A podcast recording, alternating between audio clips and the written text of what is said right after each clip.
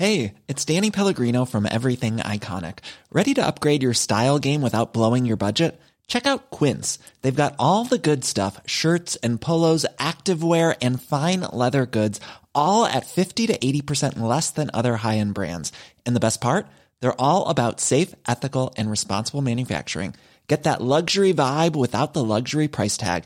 Hit up quince.com slash upgrade for free shipping and 365 day returns on your next order. That's quince.com slash upgrade. Ja, löjtnant, eh, vi släpper ett litet specialare här idag. Mm, precis, som en liten teaser eller vad vi ska kalla det. Ja, det är då alltså frågan om de så kallade lördagstexterna som jag normalt skriver och publicerar på Patreon för våra Patreons, som nu är inläst av mig och uppspelat för alla. Ja, precis. Normalt sett så eh, syns ju inte de här lördagstexterna på varken Facebook eller Instagram eller Spotify eller Acast eller vad man nu, utan de syns ju bara på Patreon. Ja, och nu så bjuder vi alla på dem.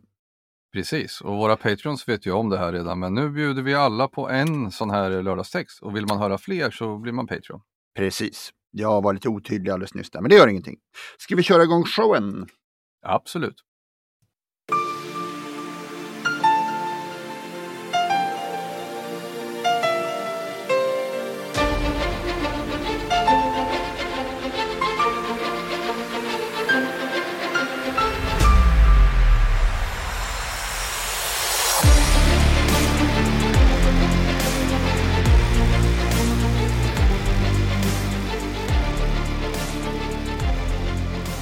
Det här är en inläst lördagstext skriven av mig, Henning Svedberg. När Japan provade Messerschmitt Bf 109. Japan och Tyskland såg sig som vänskapligt allierade under de andra världskriget. Och mellan länder i sådana unioner provar man ofta varandras vapen och vapensystem för att hålla sig uppdaterad med vad som finns där ute och vad man kanske kan lära sig av varandra. Samma gällde det tyska jaktplanet Messerschmitt Bf 109. Den japanska konsuln i Berlin lät under 1941 för Japans arméflygs räkning sondera terräng för att köpa en Messerschmitt 109.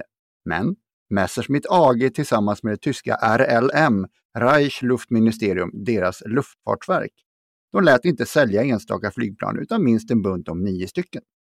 Dessa kärror var inte billiga. En Messerschmitt kostade 230 000 riksmark och det var ingenting den japanska armén kunde spotta upp för de här utprövningarna.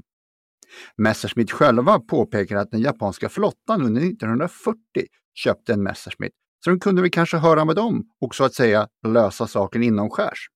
Den japanska flottan hade lyckats köpa en enda Messerschmitt under specialvillkor, varför de kommit över blott detta enda exemplar. Den japanska armén kontaktade således japanska flottan som lät den låna den tyska kärran. Snart visade det sig att testrapporterna, som också delades från japanska arméflyget till Messerschmitt, att den där 109 de hade måste ha något fel då den inte alls presterade i de tester där en tvivelsutan borde ha gått segrande ur luftstriderna. Här valde Messerschmitt att skicka en av Tysklands mer kompetenta piloter och tillika Messerschmitts egna före detta testpilot Franz Lossichkeit för att se vad som kunde stå på med den japanska Messerschmitten. Väl på plats i Japan kontrollerade Frans flygplanet och kunde efter några testflygningar konstatera att den betedde sig högst rimligt och gjorde vad den skulle. Han ville vara med vid en testsession mellan de japanska jaktplanen och deras 109, men fick först kalla handen. Då Frans skickats dit av Messerschmitt AG och inte det tyska flygvapnet ville den japanska arméflygen inte samverka med honom. En simpel civilist är inget för det väldrillade japanska armén att leka med. De japanska testledarna lät sig emellertid övertalas och briefade Lossichkais inför testerna där han själv skulle spaka det tyska planet. Fritz sa sig inte riktigt ha förstått de japanska testledningsinstruktioner, men han hade många gånger genomfört liknande tester och hängde inte upp sig på vad som kunde vara misstag i tolkens översättningar. Han flög, som han visste, hans BF-109 gjorde sig bäst.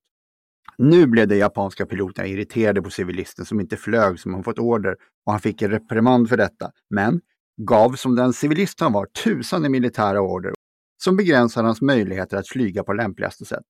Åter blev det ramaskri när hans Messerschmitt ånyo utklassade de japanska motståndarna. Lossichkeit menar att de instruktioner han fått betydde att han inte tilläts nyttja sin Messerschmitts fördelar utan tvingades så att japanerna hade en chans att vinna över honom. Dessa spelregler tyckte vår vän Fritz var idioti, klar som snaps, De struntade han blankt i. Den japanska testledningen kallar honom för hopplös, odisciplinerad och oregerlig civilist. Allt medan Frans Losigkeit ansåg densamma vara kort och gott idioter. Saken höll på att bli ett ärende mellan de två staterna, men Fritz menade att han inte var där som officiell för tyska regeringen utan civil expert för Messerschmitt AG. Detta blev till slut en konflikt mellan den japanska militärledningen och det privatägda Messerschmitt AG, där båda parterna menade att den andra kunde, så att säga, sticka och brinna.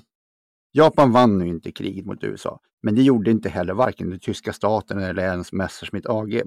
Om Messerschmitten hanterade rätt kunde ha gjort skillnad för det asiatiska öderrikets framgångar i kriget är svårt att spekulera i.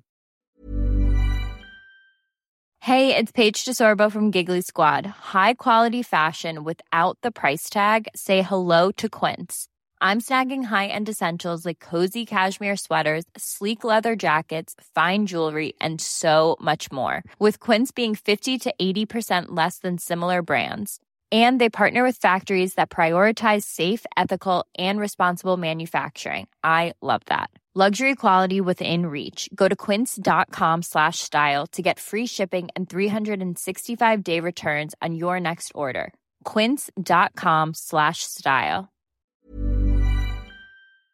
Men de uteblivna lärdomarna mot den mot förnuft impregnerade japanska flygledningens taktiker kunde ha absorberats hade alla gånger kunnat vara en faktor som åtminstone gjort Japan segare att knäcka än som det nu blev.